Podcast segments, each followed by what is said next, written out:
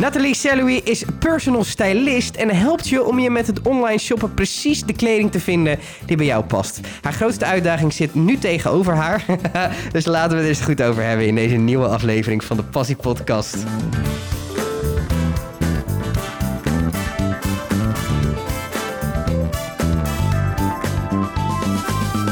Nathalie, tof dat je er bent. Ehm, wat heb jij met kleding?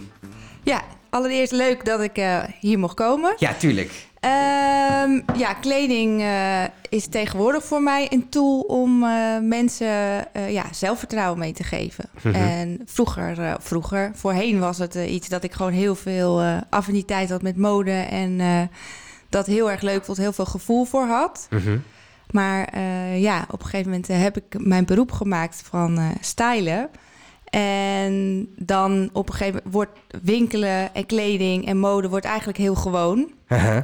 En dan zie je het echt veel meer als een tool, als een middel om jou te helpen, bijvoorbeeld je boodschap te versterken of jouw zelfvertrouwen te geven. Uh, verlengstuk van je marketing boodschappen, et cetera. Ja, dus het gaat om een stukje zelfvertrouwen en wat je uitstraalt. Zeker. Is dat voor jou altijd zo geweest? Of was...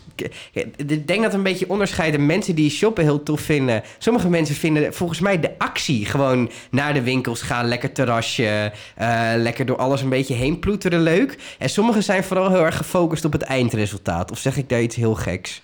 Um, nou ja, nee, niet heel gek. Als je het hebt over mijn klanten voor personal styling, ja. mijn individuele klanten, die houden meestal niet eens van shoppen. Ja. Die hebben dat echt nodig, dat mm-hmm. ik dat voor ze doe, dat ik ze daarin adviseer voor hun baan. Mm-hmm. Voor, uh, hebben meestal een bedrijf of zijn jurist. Um, ja, carrière-tijgers, om het zo maar even te zeggen. En beseffen dat zij representatief moeten en willen zijn voor hun werk. En dat zijn de mensen die mij inhuren. En die gaan eigenlijk van nature niet zo graag naar de winkels nee, toe? Nee, zijn vaak heel druk ook. En uh, willen gewoon kwaliteit, goede pasvormen. Uh, wel up-to-date eruit zien, hè? Mm-hmm. maar wel hele goede ja, basic items in hun kast hebben... waarmee ze gewoon altijd weten als onverwacht voor een groep moeten spreken... of ergens... Uh, dus ik heb ook mensen die in de politiek werken... Dus ja, die willen gewoon representatief zijn, maar die hebben echt geen zin om op, een, in hun vrije, op hun vrije dag door de winkel te gaan slenteren. Ja, um, je zegt net een beetje, het zijn mensen die dus vooral niet van shoppen houden. Betekent dat dan ook dat ze niet van nature modebewust zijn? Uh, nou, ja. ja, nee, dat, dat kan. Ik denk dat, denk dat heel weinig mensen dat... Nou, vinden ze vast niet erg dat ik dat nu hardop zeg. Maar nee, nee de, ze hebben er vaak echt totaal geen gevoel voor. Mijn klanten, hè? Want je hebt allerlei stylisten en Tuurlijk. personal shoppers. Maar de mensen die bij mij uiteindelijk terechtkomen... ja, zijn allemaal wel een beetje hetzelfde soort... Uh, types in dat opzicht. Is het dan ook zo dat als je ze op een gegeven moment, als, als je iets gekozen hebt en ze trekken dat aan, dat ze dan denken: Oh ja, dit staat me best wel goed? Of kijken ze dan echt naar jou en zeggen ze dan: En? Ja, uh, nou, kijk, voordat ik voor iemand ga shoppen, mm-hmm. denk ik doe veel meer hè, dan alleen shoppen. Ja, maar daar Maar daar we gaan eerst, we... ja, precies. Ja. Jij mag bepalen natuurlijk hoe het gesprek gaat. Nee, het is, jou, het is jouw ja. gesprek. Nee, maar als ik, als ik voor iemand ga shoppen, ik doe eerst altijd een intake. Het liefst neem ik ook een kijkje in de kast. Uh, dan vraag ik wie ben je, hoe wil je overkomen, hoe denk je dat je nu overkomt. Nou, dan gaat een hele, ja, echt een, echt een uh, psychologisch gesprek aan vooraf. En uh, ik, het, ik heb opleiding gedaan voor styling. Maar ik denk, het talent wat ik heb is om aan te voelen waar ik iemand echt blij mee kan maken. Mhm. En dan kom ik dus af en toe wel met stuks aan, met items, kledingstukken, waarvan ze in eerste instantie denken, huh? Ja. Hoe, hoezo neem je dat mee? Maar ik kan het altijd onderbouwen Mhm. qua kleur, qua stoffen, qua pasvormen. En dan als ze het aantrekken, dan is het toch, oh ja, ik voel me er toch goed in. En ik zie het ook hoe iemand gaat staan. Mhm. Ik zou nooit. eh, ik probeer wel een beetje die grens op te zoeken en een beetje op te rekken op een gegeven moment ook. Maar ik zal nooit zeggen: dit staat je goed, dus je moet. Mhm. Want Want dat werkt ook niet. Nee.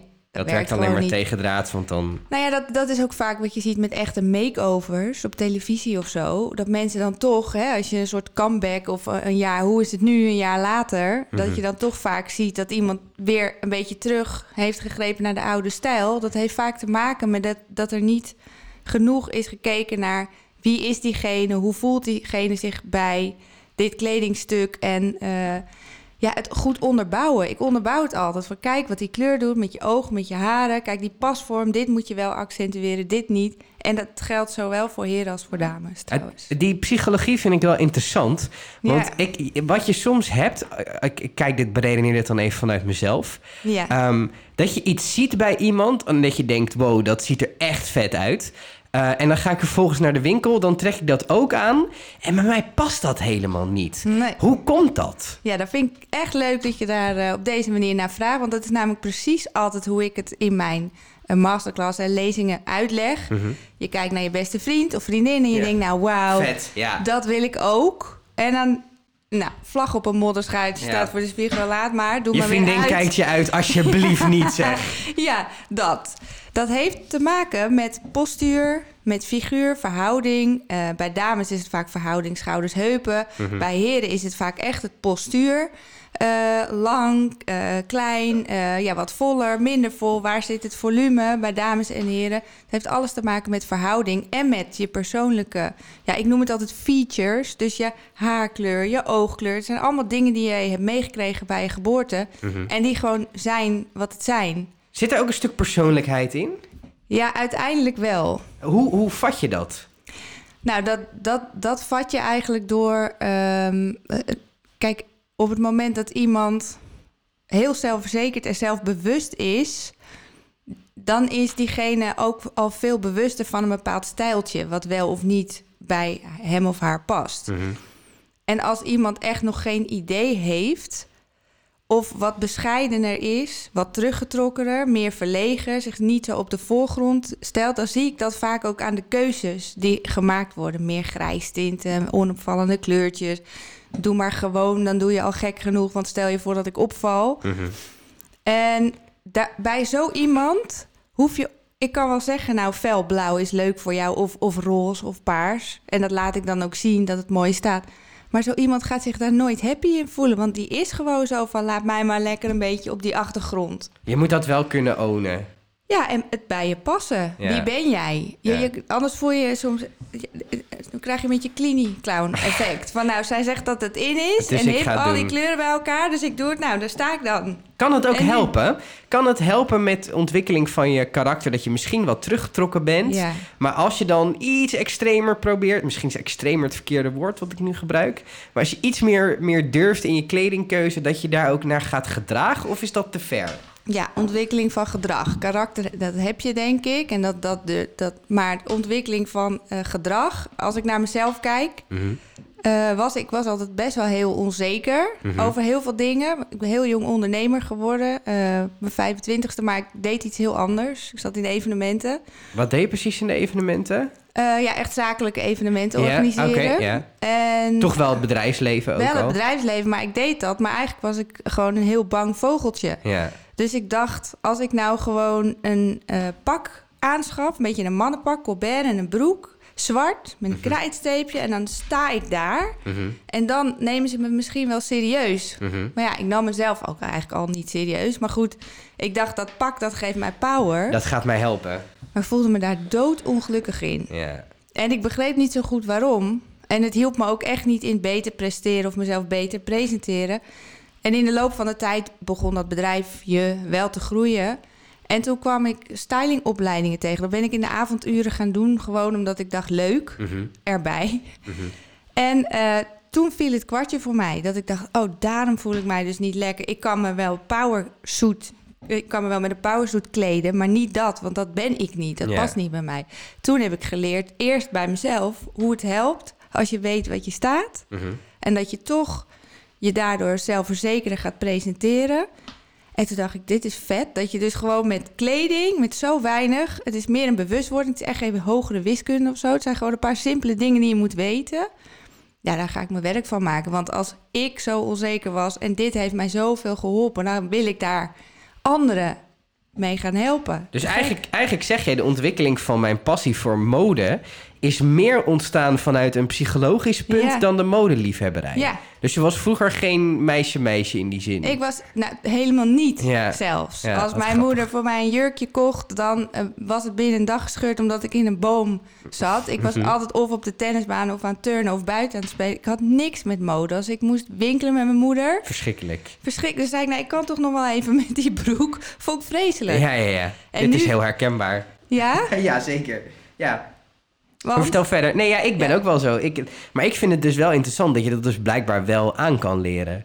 Want ik heb heel erg het gevoel dat het zit Ja. gewoon niet zo in mij. Ik heb een hele leuke modebewuste vriendin... waarmee als ik ga shoppen ik met heel veel leuke dingen thuis kom. Maar ja, ik heb dat wel een beetje dankzij haar, zeg maar. ja. Ja. En, en is dat dan dat zij eh, dingen voor jou uitkiest eh, en dat jij meteen lekker in voelt? Of dat jij denkt, zij heeft er echt oog voor, want zij ziet er te gek uit. Nee, dus zij- nu zie ik er ook te gek uit. Zij heeft, zij heeft een beetje de eerste selectiefunctie. Ja.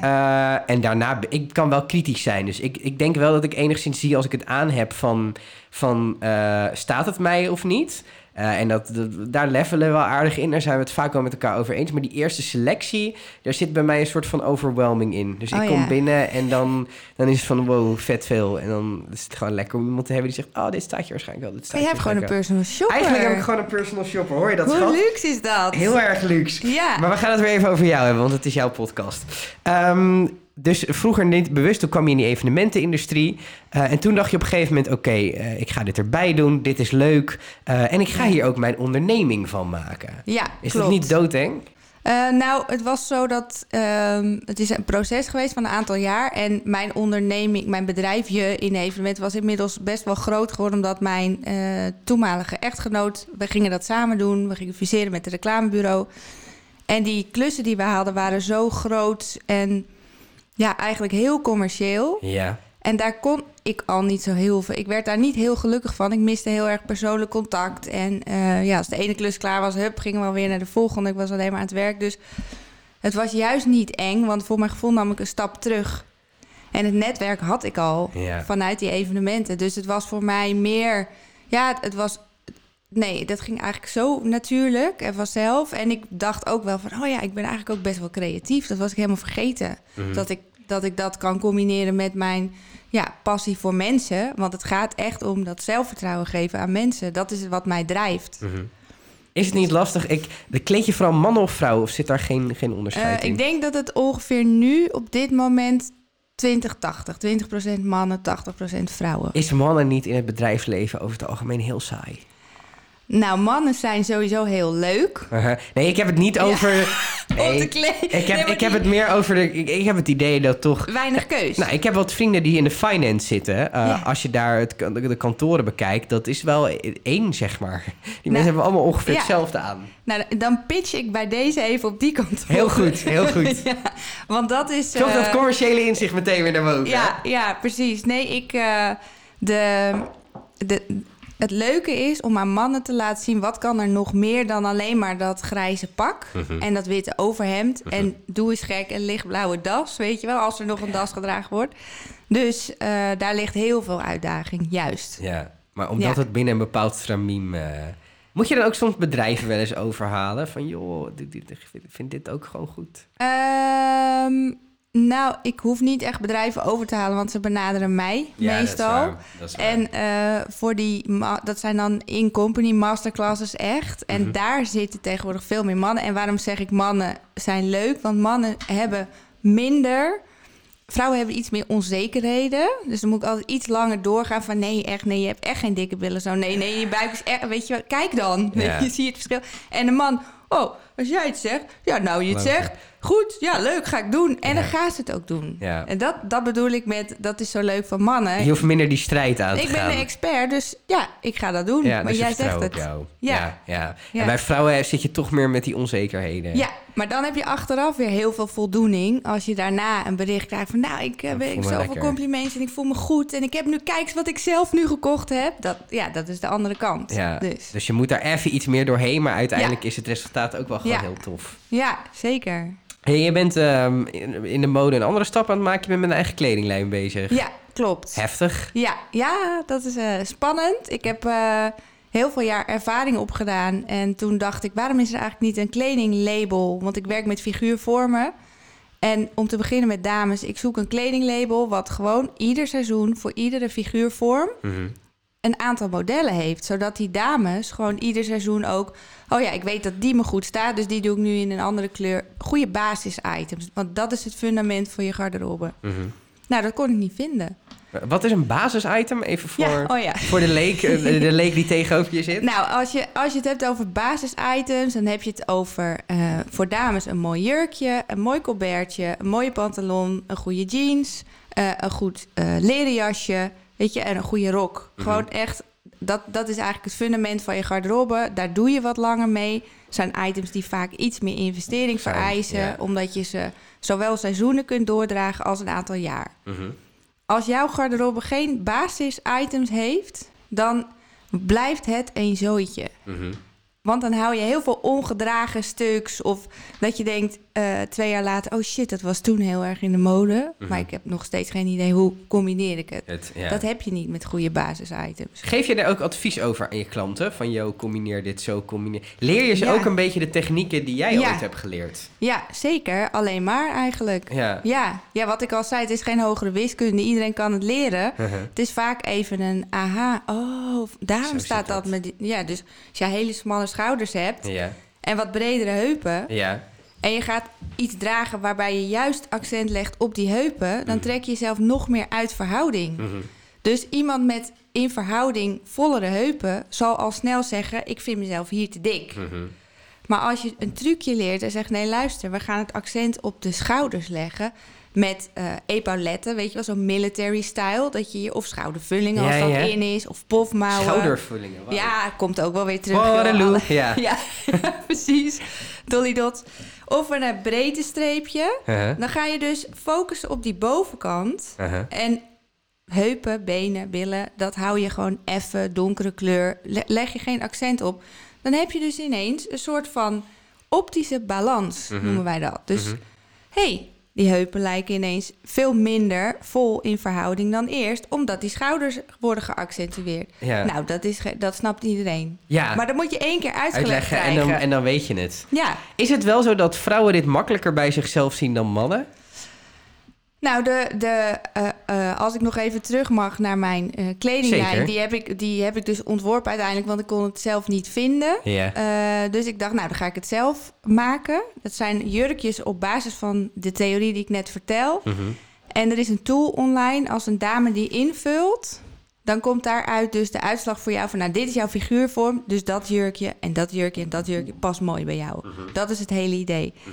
En het, is het staat nog in de kinderschoenen. Als ik eh, zeg maar een workshop daarmee geef... dan wordt het meteen begrepen en gekocht ook. Mhm. Online zie je dat vrouwen zichzelf dus toch nog met een vergrootglas bekijken. Want als ik dan zie hoe ze die test invullen... Klopt, het, is het vaak minder dan dat ze zelf Soms geven denk dat ik- het is? Nou, dat, als ik iemand dan ken, dan denk ik, nou, hoe kun je... Ja, wij, wij vrouwen vooral bekijken onszelf echt met een vergrootglas. Ja. Ik hoor soms vrouwelijke mensen in mijn omgeving die onzekerheden benoemen bij zichzelf. En dat zijn de mensen die ik best wel goed ken.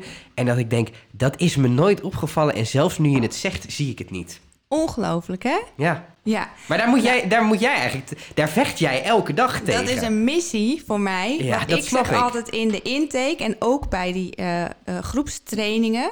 zeg ik altijd, oké, wat vind jij minder mooi aan jezelf? Mhm. Nou, dan ko- komt er zo'n lijst. Dus stel, zo'n vrouw noemt dan zeven punten.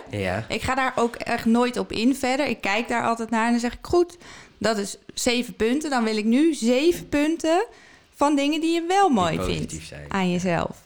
Nou, en dat lukt dus vaak niet. Dus inderdaad is het mijn missie om dan te helpen. Die negatieve punten, die benoem ik niet eens hardop. ja. Die positieve punten, die gaan we dan samen benoemen. En die gaan we accentueren met kleding. Waar wil je naartoe met die kledinglijn? Nou, waar ik naartoe wil met de kledinglijn is dat het echt ehm, mijn portal, echt een portal wordt dat je weet, als ik advies nodig heb, ga ik daar naartoe. Dus Ja. het is niet alleen maar het jurkje, waar ik gewoon eh, eh, zeker weet, dat dit staat me goed, hier word ik zelf verzekerd. Als ik dit aan heb, voel ik me goed. Dat is natuurlijk één. Maar ook dat iedereen weet, eh, want op het moment dat jij iets koopt bij mij, krijg je ook gewoon adviezen eh, digitaal toegestuurd op basis van jouw figuurtype. Dus ik hou je ook up-to-date. Dus de bedoeling is dat het eigenlijk de eerste echte online stylist wordt. Mhm. zonder dat je daar Want het is niet voor iedereen natuurlijk weggelegd om iemand in te huren.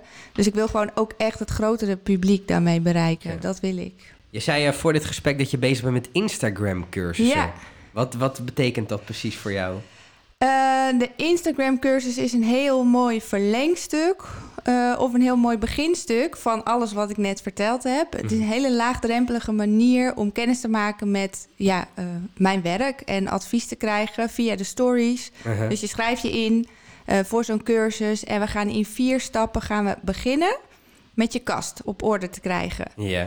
Dus uh, via de stories krijg je vier weken lang uh, allerlei tips en adviezen en een stappenplan. Het heet uh, de Closet Detox, NSRL Closet Detox. En vier weken lang krijg je dus allemaal filmpjes, foto's. Ik ga elke week live voor Q&A. En dus stapsgewijs ga je die kast op orde krijgen. Krijg je van mij een, een stappenplan hoe je een eigen stijl kunt ontwikkelen. Ja, en op dat moment, dat is eigenlijk de basis van alles wat ik net verteld heb, leer je in een cursus jezelf een beetje beter stijlen. Ja, ja. En nice. ook, ook op een laagdrempelige manier. Ja, ja. Dat je niet meteen uh, die angstige gesprekken aan moet gaan. Nou ja, en dat, dat is eigenlijk uh, iets uh, waar ik heel lang al van droomde. Om dat eens op te zetten. En ik dacht, nou, ik begin gewoon met zo'n closet detox. Want ik hoor heel vaak in winkels vooral dat winkels hebben klanten die zeggen... oh, mijn kast, vraag eens aan een winkeleigenares... kan jij niet eens mijn kast komen doen? Maar ja, die heeft ten eerste een winkel. Ten tweede is die niet helemaal objectief. Want die wil natuurlijk dan het liefst dat haar winkel daarin komt te hangen. Mm -hmm. Dus uh, zo heb ik dat eigenlijk bedacht. Ik dacht, nou, dan kan ik dat online wel. Uh, ja, want het is eigenlijk ook weer, dat begint ook weer met die basis, wat ik net vertelde. Basis-items als fundament voor je garderobe. En vervolgens heel stapsgewijs setjes maken. En alles wat ontbreekt, daar maak je een lijstje van. En vervolgens heb ik nog een aantal tips. Ja, hoe, hoe ontwikkel je nou die eigen stijl? Oh, ja. Ja. Um, waar sta je over vijf jaar? Wat ben je over vijf jaar aan het doen? Nou, wat ik zeg, over vijf jaar uh, heb ik de grootste stylingportal sowieso van Nederland. Lekker ambitieus. En, uh, ja, zeker, zeker. Ik ga uh, eigenlijk tegen de stroom in, want wat ik gewoon wil... Kijk, styling is leuk en er zijn veel beroemde stylisten... maar ik wil gewoon dat het een adviesportal wordt voor iedereen. Mm -hmm. En toegankelijk voor iedereen. Dus iedereen een stukje zelfvertrouwen geven. Succes daarmee. Dank je wel. Dank je wel.